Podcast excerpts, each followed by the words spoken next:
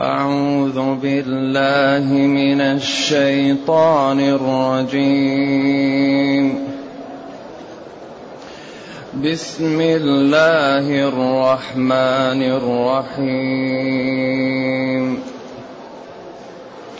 وأن ليس للإنسان إلا ما سعى وأن سعيه سوف يرى. وأن سعيه سوف يرى. ثم يجزاه الجزاء الأوفى.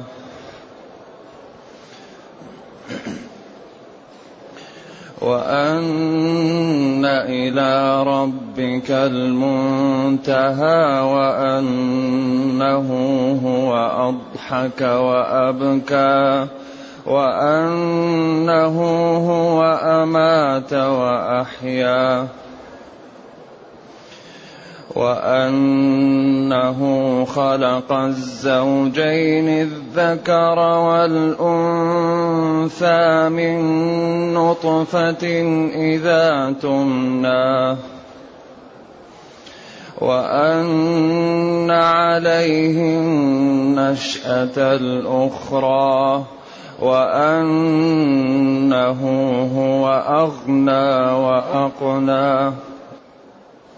وأنه هو رب الشعرى وأنه أهلك عادا الأولى. وأنه أهلك عادا الأولى وثمود فما أبقاه وقوم نوح من قبل إنهم كانوا هم أظلم وأطغى. إنهم كانوا هم أظلم وأطغى. والمؤتفكة أهوى. فغشاها ما غشاه. فبأي آلاء ربك تتمارى؟ فبأي آلاء ربك تتمارى؟ هذا نذير هذا نذير من النذر الأولى. هذا نذير من النذر الأولى. أزفت الآزفة ليس لها من دون الله كاشفة. أفمن هذا الحديث تعجبون؟ وتضحكون ولا تبكون. وتضحكون ولا تبكون وأنتم سامدون. فاسجدوا لله فاسجدوا لله واعبدوا.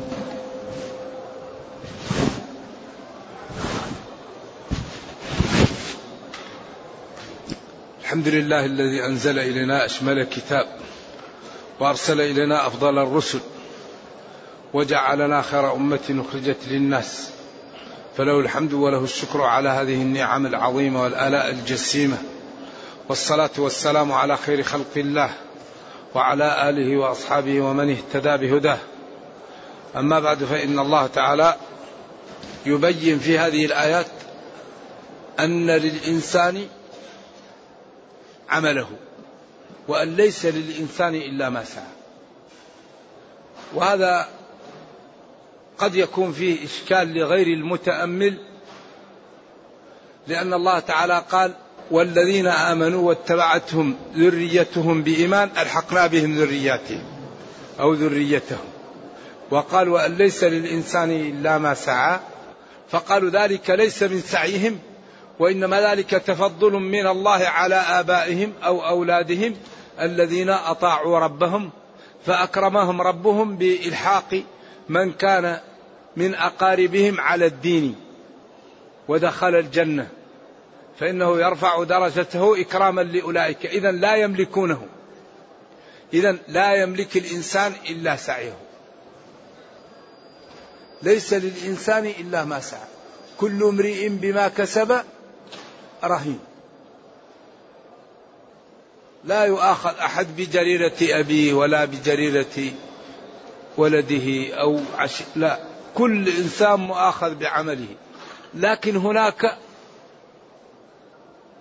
أمور إذا ما عملها الإنسان يؤاخذ بجريرة الآخر لأنه هو قصر في أمر ملزوم به.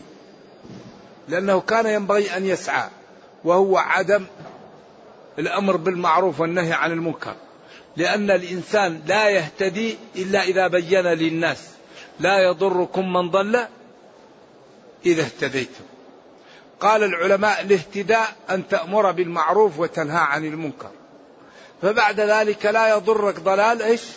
من ضل بعد أن تبين له. أما إذا لم تبين فأنت ما اهتديت. اذا أنت إذا جاءتك مشكلة من ذلك هذا من سعيك. وان ليس للإنسان إلا ما سعى. سواء كان سعيه دائما سعي الإنسان يكون للخير. ولكن قد يسعى أيضا في الشر ويكون له ما سعى فيه. المهم لا يملك الإنسان إلا العمل فقد يقول بعض الناس أترك الناس ما لك مال الناس أنت لا تهتدي إلا إذا بينت للناس الخير وأمرتهم باتباعه وبينت للناس الشر وحذرتهم من سلوكه عند ذلك لا يضرك ضلال من ضل. والبيان للناس له ثلاثة مقاصد عظيمة. المقصد الأول حتى لا تبقى على هؤلاء حجة يوم القيامة. يقولون يا ربنا لم يبين لنا. تبين لهم حتى تقفل عليهم الباب. ما تكون عنده حجة. الأمر الثاني لعله يهتدي. الأمر الثالث يعذرك الله في ضلاله لأنك بينت له ولم يقبل.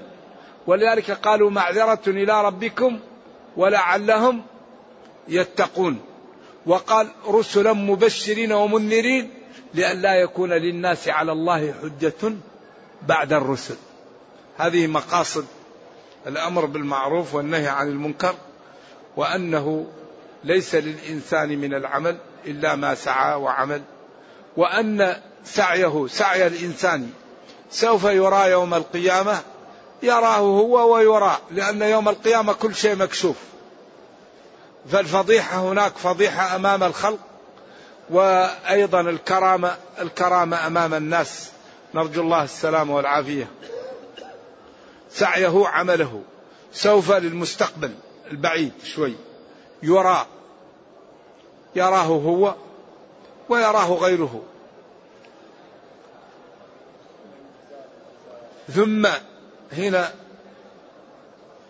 يجزاه هذا لأن ثم الرتب لأن هذا الجزاء بعيد بينه وما قبله لتفاوت المنازل فلذلك عطف بثم لأن هذه منزلة عظيمة فكأنها بعيدة في المسافة أو في الوقت فعطف بثم يجزاه يعطاه يعطى حقه الجزاء يعني تأكيد يجزى الجزاء إيش؟ الأوفاء التام. إن كان خيرا فيعطى حقه كاملا ويضاعف أضعاف كثيرة. وإن كان ذنبا يكتب عليه ولا يغادر شيء إلا أحصي عليه. لكن الذنب لا لا يزاد فيه أبدا. والحسنات تزاد. إن الله لا يظلم الناس شيئا ولكن الناس أنفسهم يظلمون من جاء بالحسنة فله عشر أمثالها ومن جاء بالسيئة فلا يجزى إلا مثلها يقول جل وعلا ثم يجزاه الجزاء الأوفى الجزاء الكامل الذي لا يترك شيء. وأن إلى ربك المنتهى. نهاية كل الأمور لله تعالى. فإذا جاءت لله تعالى يحكم فيها ويجليها ويوضحها. ولذلك الله لا تدركه الأبصار لا يحيطون به علما. هل تعلم له سميا؟ فلا تضربوا لله الأمثال. والأرض جميعا قبضته يوم القيامة. والسماوات مطويات بيمينه إذا الله لا يقاس بالخلق. الخلق عاجزون مخلوقون محتاجون. والله غني. قادر الغنى المطلق. إذا أراد شيء يقول له كن فيكون. فذلك كثير من العلماء ومن الفضلاء أخطأوا في جانب ربهم نتيجة لدراسة كتب المنطق ونتيجة لاستعمال العقل في أمر لا يصلح فيه إلا النصوص. فكم من عالم وقع في مشاكل. سواء كانت في أسماء الله أو في صفاته. نتيجة لاستعمال العقل في أمر لا يصلح فيه إلا النص. الله لا يصفه أعلم به من الله ولا يصف الله بعد الله أعلم بالله من رسول الله. فما قال الله وقال رسوله عن الله نقول به وما نفاه الله ونفاه رسول الله عن ربه ننفيه. وما سكت عنه الوحي نسكت. أما قولنا نحن لا نعرف استواء إلا كاستواء المخلوق. وإذا قلنا استوى يعني شبهنا الله بخلقه. إذا نقول استولى. طيب الاستيلاء أيضا المخلوق يستلي على المخلوق. نقول لا هذه اليد لا نعرف يد الله كيد المخلوق. وإذا أثبتنا اليد لله إذا شبهناه بخلقه نقول القدرة. طيب القدرة كمان المخلوق له قدرة. نقول هذه قدرة منزهة. طيب أترك اليد وأقول منزهة. فالخطأ في هذا واضح جدا. وخلق لا يحصون وقعوا في هذا. ولكن كما قال الشافعي رضي الله عن الجميع رام نفعا فضر من غير قصد ومن البر ما يكون عقوقا. هؤلاء أرادوا أن ينزهوا فوقعوا في أشياء عجيبة ولذلك الله بين. قال وقالت اليهود يد الله مغلولة غلت أيديهم ولعنوا بما قالوا بل يداه مبسوطتان بل يداه مبسوطتان. وقال جل وعلا ثم استوى على العرش الرحمن. فاسأل به خبيرا. لا تقول استولى. سأل به خبيرا. لا تصف الله بشيء لم يصف به نفسه. ولكن وقال ليس كمثله شيء وهو السميع البصير. لاحظ قبل قولي أني سميع بصير قولي أني ليس كمثلي شيء.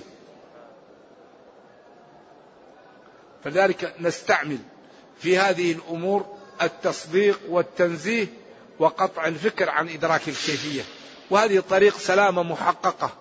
وكم من العلماء زلوا وأخطأوا في هذا ولكنهم في آخر أعمارهم يرجعون إلى مذهب أهل السنة والجماعة ومذهب السلف ويتركون التأويل ويتركون هذه الأمور لأنها أمور لا دليل عليها. نعم. وأنه جل وعلا له منتهى كل شيء. وينتهي العقل وينتهي الإدراك وينتهي الإحاطة عنده. وأنه أضحك من أدخله الجنة بدخوله الجنة وأبكى من أدخله النار بدخوله النار. وأضحك من أنعم عليه بالنعم التي بها يضحك. وأبكى من أعوذ بالله ابتلاه بالرزايا وبالأمور أو أنه أضحك أهل الجنة في الجنة وأبكاهم في الدنيا بالمصائب التي ترفع درجاتهم يوم القيامة. أقوال في ذلك. وأنه هو أمات الخلق وأحياهم. قالوا ربنا أمتنا اثنتين وأحييتنا اثنتين. فاعترفنا بذنوبنا فهل إلى خروج من سبيل؟ ذلكم بأنه إذا دعي الله وحده كفرتم وإن يشرك به تؤمنوا فالحكم لله. وقد, وقد حكم عليكم بالتأبيد في النار. نرجو الله السلام والعافية. أمات وأحيا أو أنه أدخل في الإسلام من أدخل وجعل من كفر كفر فالإيمان هو حياة والكفر موت. ولكن الأولى أنه هو الذي أمات الخلق وهو الذي أحياهم. وأنه جل وعلا خلق الزوجين الصنفين. أنه خلق الزوجين الذكر والأنثى. بدل من الزوجين خلق الذكر والأنثى. الذكر زوج والأنثى زوج إذا هما زوجان. اسكن أنت وزوجك. ومن كل شيء خلقنا زوجين اثنين. لذلك الناقة والجمل والبقرة والثور والمعزاء والتيس والنعجة والخروف والأسد واللبوة والرجل والمرأة والليل والنهار والشمس والقمر والظلمة والضياء والحر والبرودة أصناف. والخير والشر. أزواج وأصناف. وأنه خلق الزوجين الذكر والأنثى. من نطفة. النطفة هي الماء القليل. إذا تمنى تصب. في الرحم.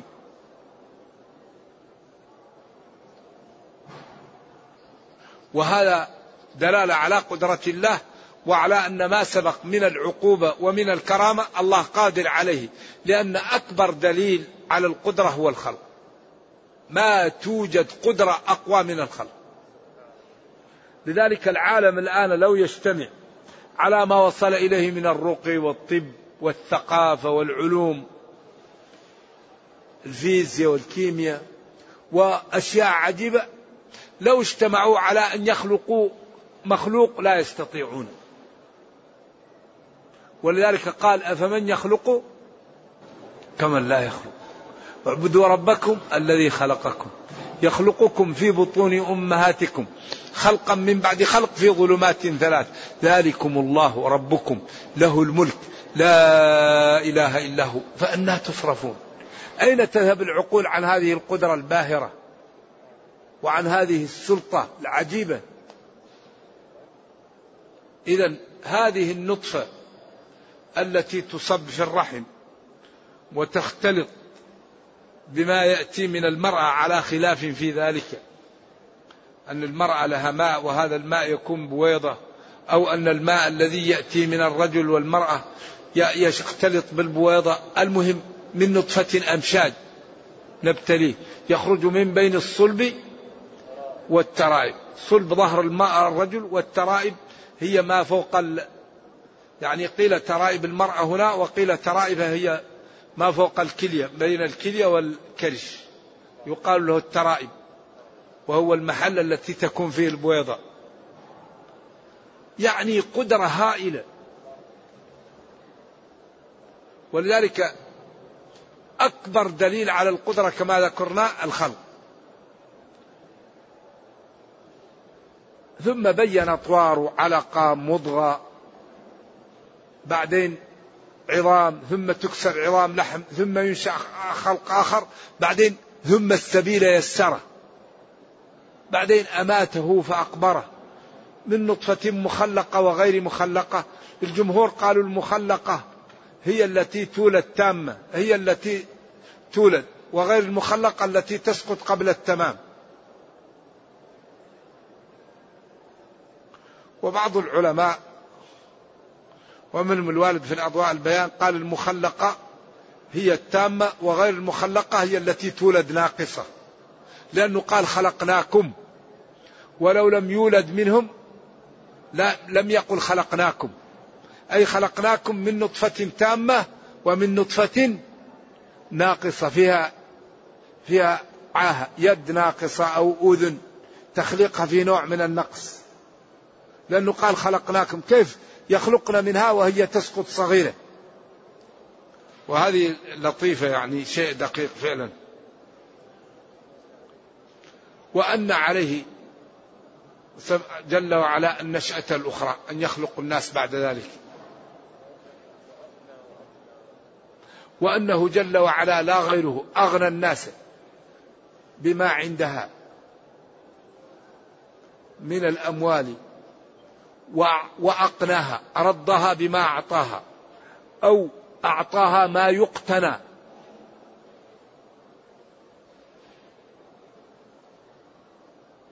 وقيل وهو ضعيف أفقر أنه هو أغنى وأقنى أفقر. وهذا اختيار بعض العلماء وهو ضعيف لأن قائله قليل قال لأن الكلام كله فيه مطا... فيه طباق. أضحك وأبكى أمات وأحيا قال أغنى وأقنى أي أفقر. لكن ما هكذا الذي قال الجمهور. قال أغنى وأرضى بما أعطى أو أغنى وأعطى ما يدخر أو أغنى وأخدم القن أقنى أعطاه القن الذي يدخره ويخدمه. نعم على خلاف في ذلك. وأنه هو رب الشعراء. كسرها لأنها اسم. أما الصفات تكون فعلا دائما ما تكون فعلا. قالوا لأن عبدها بعض العرب فلذلك هم يعبدونها والله تعالى هو الذي خلقها. إذا معبودهم ربه الله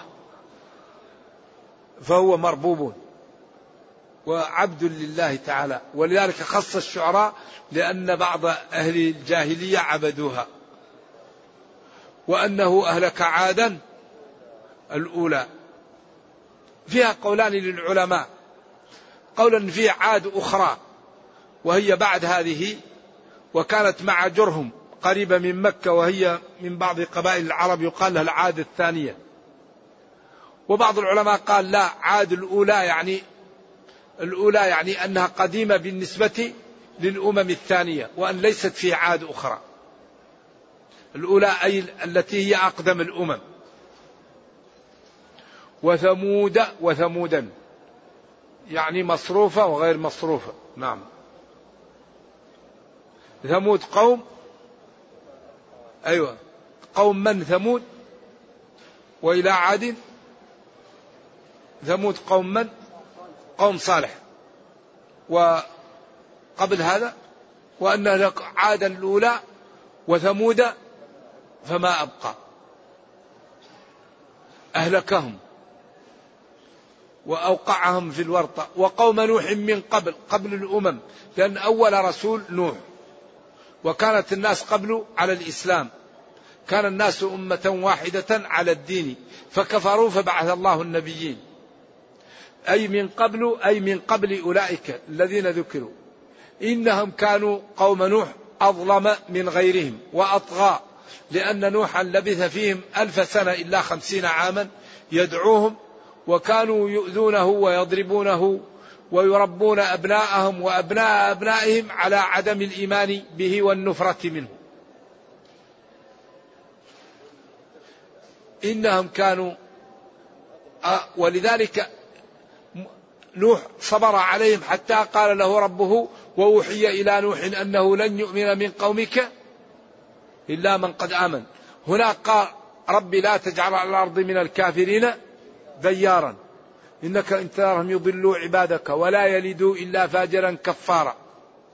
بعدين بعدين قال واصنع الفلك بأعيننا ووحينا.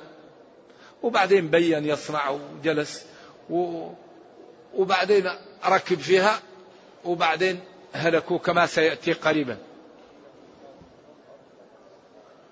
كانوا أظلم أشد ظلما وأشد طغيانا من غيرهم من الأمم. والمؤتفكة أهوى المؤتفكة أيوة. هي جمعها مؤتفكات وهي قرى قوم لوط التي هي الآن قريبة من البحر الميت. لما فعلوا ما فعلوا من الفاحشة والكفر وطغوا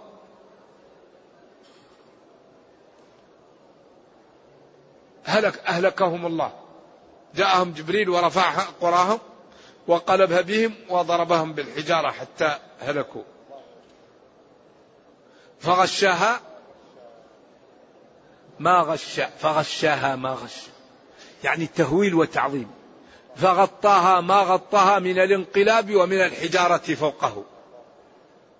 فبأي نعم ربك يا سامع يا مخاطب يا من يصلح يا من له عقل تشك وتجادل تتمارى. فبأي آلاء ربك يا مخاطب؟ يا من يصلح للعقل يا من يصلح للفهم. تشك في هذه الأمور. ألا تعتبر؟ ألا تتوب؟ ألا تقلع؟ ألا تسارع في فتح باب للخير؟ هذا محمد صلى الله عليه وسلم. أو القرآن أو هما متلازمان. نذير محذر ومخوف. من جنس النذور الأولى التي جاءت للأمم وهلكوا وحصل بهم ما حصل. فأنتم يا كفار قريش اعتبروا واعلموا أنكم إن لم تقلعوا وترجعوا عما أنتم عليه. فليس ببعيد منكم ما وقع في الأمم الأخرى.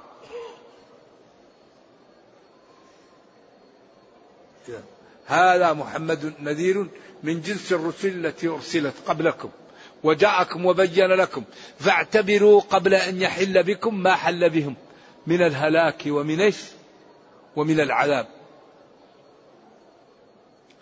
أو هذا القرآن جاءكم يخوفكم وينذركم ويبين لكم ما تفعلون فاتبعوه ولا تكفروا به كما كفرت الأمم بالكتب التي جاءتها قبل ذلك. أزفت الآزفة قربت القيامة. أزفت قربت. الآزفة القريبة. قربت القيامة. ليس لها من دون الله كاشفة. هذه كاشفة فيها أقوال كثيرة. نفس كاشفة. أو تاء مبالغة. وكاشفة يحتمل أن تكون ليس لها من يستطيع كشفها ويعرف وقتها. أو ليس لها من يستطيع أن يردها ويدفعها. أي لا يعرف وقتها إلا الله ولا يستطيع أن يردها أحد. على أيوة لأن هل الكشف المقصود به معرفة وقتها أو الكشف مقصود به يردها ويكشف ضرها؟ يردها ولا يخليها أن يأتي للناس ضرها. ليس لها من دون الله كاشفة أراد نفس كاشفة أو مبالغة في أنها لا تكشف. ثم قال أفمن هذا الحديث القرآن؟ أفبهذا الحديث؟ أفمن هذا الحديث تعجبون؟ من أجل هذا الحديث تعجبون مكذبين به وتضحكون؟ تجعلوا سخرية ولا تبكون؟ والحال أنكم سامدون لاهون أو مغنون. لأن السمد هو اللهو وقيل في لغة حمير هو الغناء لا ينبغي أن يوضع في الجوالات المزامير. لا ينبغي أن يوضع في الجوالات مزامير وخصوصا أن الآن يمكن أن تقول أرفع الجهاز فإن يتصل بك أخ لك أو متصل يتصل بك. يمكن تقول كلمة ما تضر والآن أمور سهلة. فينبغي الحقيقة أن لا نضع في الجوالات أمور مشبوهة. وبعدين المسلم ينبغي أن يتقي ربه ويبتعد عن الشبهات. لأنك إذا ما وضعت في الجوال موسيقى ووضعت في القبر لا يقول لك الملائكة لما لا لم تضع موسيقى في الجوال. لكن إذا وضعته يقال لك لماذا تفعل. والمزامير مشكلة. أفمن هذا الحديث تعجبون وتضحكون ولا تبكون وأنتم سامدون. أفمن هذا الحديث من إما بيانية أو تعليلية تعجبون تكذيبا وتضحكون استهزاء وسخرية. ولا تبكون مما فيه من الوعد الوعيد والتخويف وكيف الناس الذين هلكوا ووقعوا في, في, في العذاب الأليم. ربنا أرجعنا نعمل صالحا غير الذي كنا نعمل. قال أولم نعمركم ما يتذكر فيه من تذكر وجاءكم النذير؟ فذوقوا. فما للظالم من نصير قال اخسأوا فيها ولا تكلمون. إنه كان فريق من عبادي يقولون ربنا آمنا فاغفر لنا وارحمنا وأنت خير الراحمين. فاتخذتموهم سخريا حتى أنساكم ذكري وكنتم منهم تضحكون. إني جزيتهم اليوم بما صبروا أنهم هم الفائزون. أعوذ بالله. أنين وحنين وخنين. وأعوذ بالله تلتهم وجوههم وجوههم مسودة عليها قترة مغبرة كالحة. تلفح وجوههم النار وهم فيها كالحون. هذا يحق للعاقل إذا قرأه أن يبكي ويخاف ويسأل الله أن لا يكون من أهل النار. تعجبون تكذيبا وتضحكون استهزاء. ولا تبكون خوفا. والحال أنكم غارقون في اللهو واللعب وأنتم سامدون. ثم جاء بثقل الآية. فاسجدوا لله واعبدوا. اسجدوا أيها المخاطبون لله واعبدوه وحده. واتركوا السجود لغيره واتركوا عبادة غيره فإنها هي الهلكة. وهي عياذا بالله تعالى الخطر الجسيم. وسجدات القرآن لا تزيد عن خمسة عشر سجدة. خمسة عشرة سجدة. واختلفوا منها بخمس. ثانية الحج وسجدة صاد وسجدات المفصل الثلاثة. اللي هي هذه النجم والانشقاق والقلم.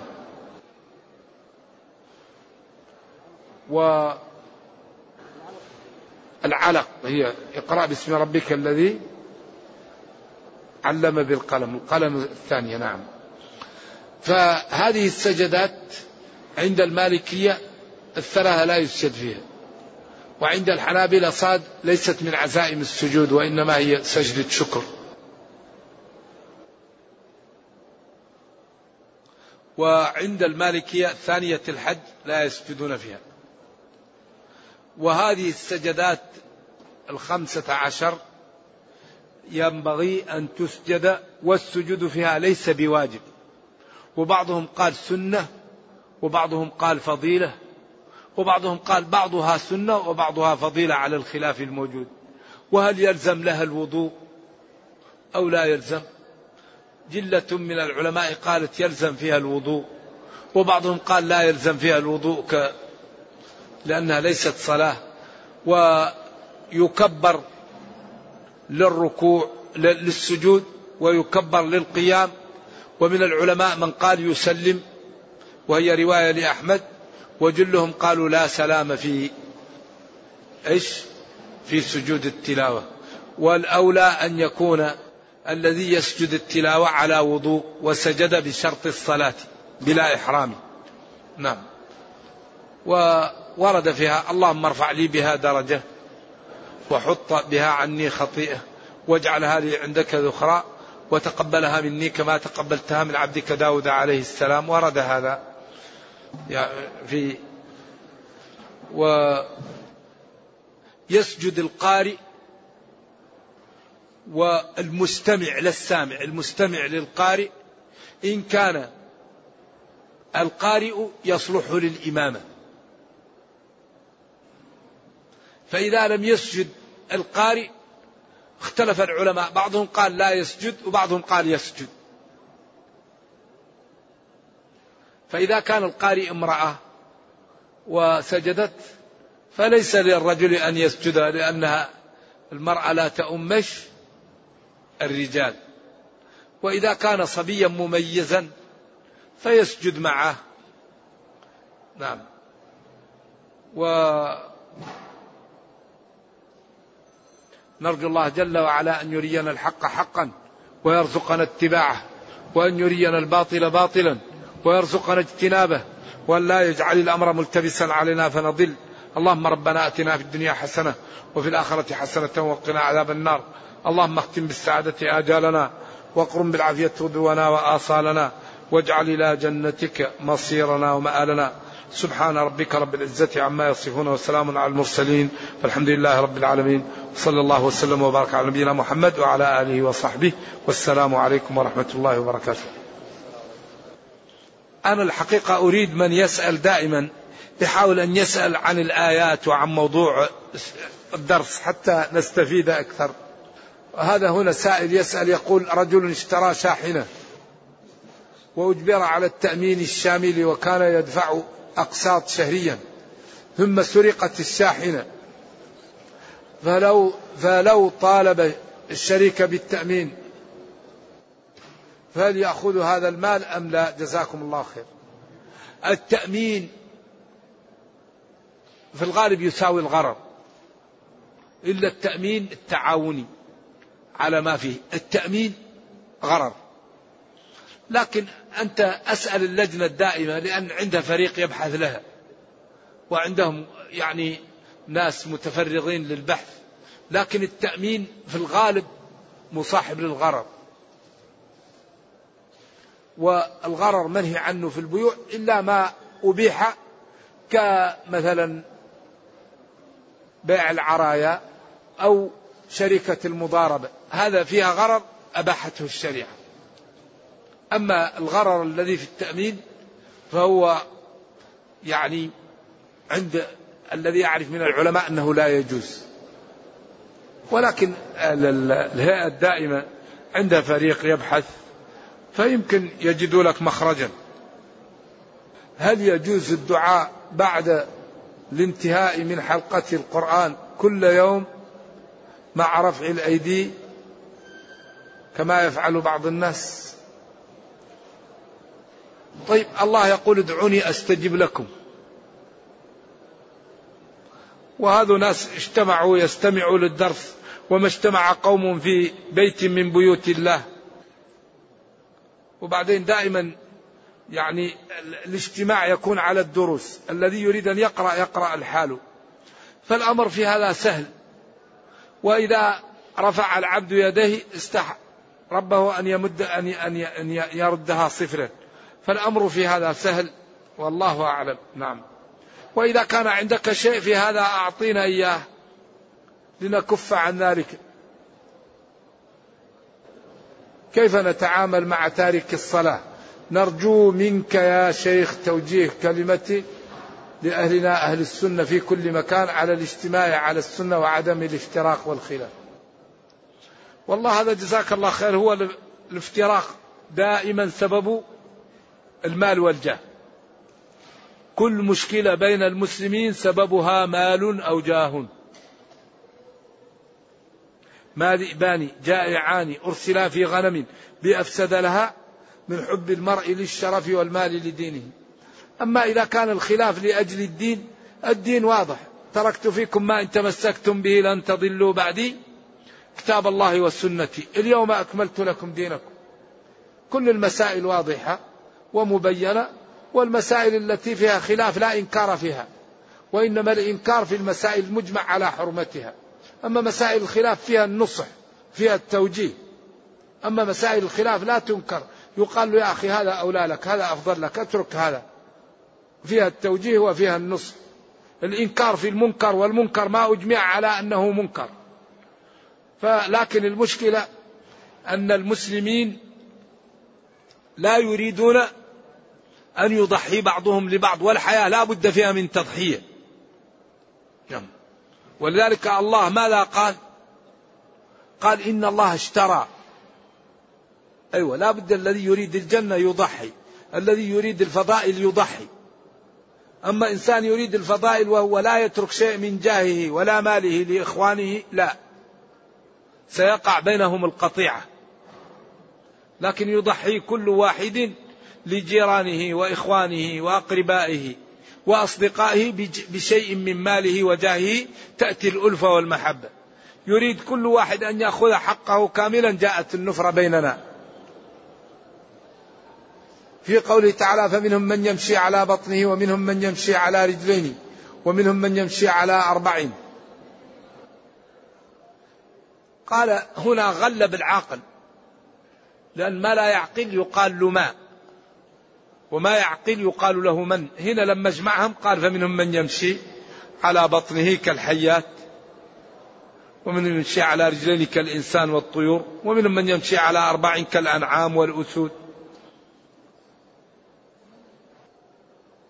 هل نرى أعمالنا السيئة يوم القيامة بعد التوبة في هذه الدنيا؟ لا لا. أعمالك إذا تبت منها تمسح يمسحها الله عنك ويسترها عليك ولا ترى. ما معنى قوله تعالى فإنما تولوا فثم وجه الله؟ قال العلماء هذا لمن سار في خلاء في فلاة ولم يعرف جهة القبلة. فالجهة الذي توجه لها هي القبلة. أو في صلاة النافلة. الجهة التي يمشي لها هي القبلة. نعم. هذا هو معنى الآية والله أعلم. هل في قوله وأنه خلق الزوجين الذكر والأنثى من نطفة إذا تمنى دليل على أن تحديد المولود ذكرا كان أنثى من طرف الرجل؟ نعم هو الرجل هو الذي يكون فيه المادة التي تأتي في تلقح بها البويضة الحيوان. هذا الحيوان بعضه يكون مذكر وبعضه يكون مؤنث ولذلك بعض الناس الله لا يجعله يلد إلا الذكور. وبعض لا يجعله يلد إلا الإناث وبعض يجعله يلد الذكور والإناث وبعض يجعله عقيما. يهب لمن يشاء إناثا ويهب لمن يشاء الذكور أو يزوجهم ذكرانا وإناثا ويجعل من يشاء عقيم. لا, حي... لا حياة فيه. المادة لا ليس فيها شيء حي فلا يلد لأنه ما عنده مادة ما عنده حيوان عقيم. نرجو الله السلامة والعافية. لماذا ثمود مصروف وغير مصروف؟ لأن المصروف قد لا ينصرف والمنصرف قد ينصرف. وذو اضطرار أو تناسب صرف ذو المنع والمصروف قد لا ينصرف. كل سهل. قل لما لا يستخدم كفار قريش شفعاء لهم عند الله من أصنام وغيرها وقد نفى الله عنهم إيمانهم. في الآخرة إن الذين لا يؤمنون بالآخرة فما الداعي لشفاعتهم ما داموا لا يؤمنون باليوم الآخر؟ هذا إخبار عن ضلالهم وتنفير من حالهم ليسلك العاقلون مسلك بعيد من مسلكهم. هذا هذا تخويف من من طريقهم وتحذير منها لينجو الناس عن أن لا يكونوا بهذه الطريقة الغير عقلانية. نعم وغير منضبطة. إذا كنا في صلاة وصلى بنا الإمام وقرأ سورة النجم ونحن سجدنا وهو لم يسجد فما هو العمل؟ لا تسجدوا إذا لم يسجد. إنما جعل الإمام ليؤتم به. فإذا لم يسجد الإمام لا تسجدوا في الصلاة. لأنكم تخالفوا الإمام وهذه مشكلة. الإمام يتابع فإذا سجد فاسجدوا وإذا ركع فاركعوا. وإذا قال سمع الله لمن حدث فقولوا اللهم ربنا ولك الحمد. فإذا لم يسجد فلا. خصوصا إذا كانت الصلاة فريضة. نعم.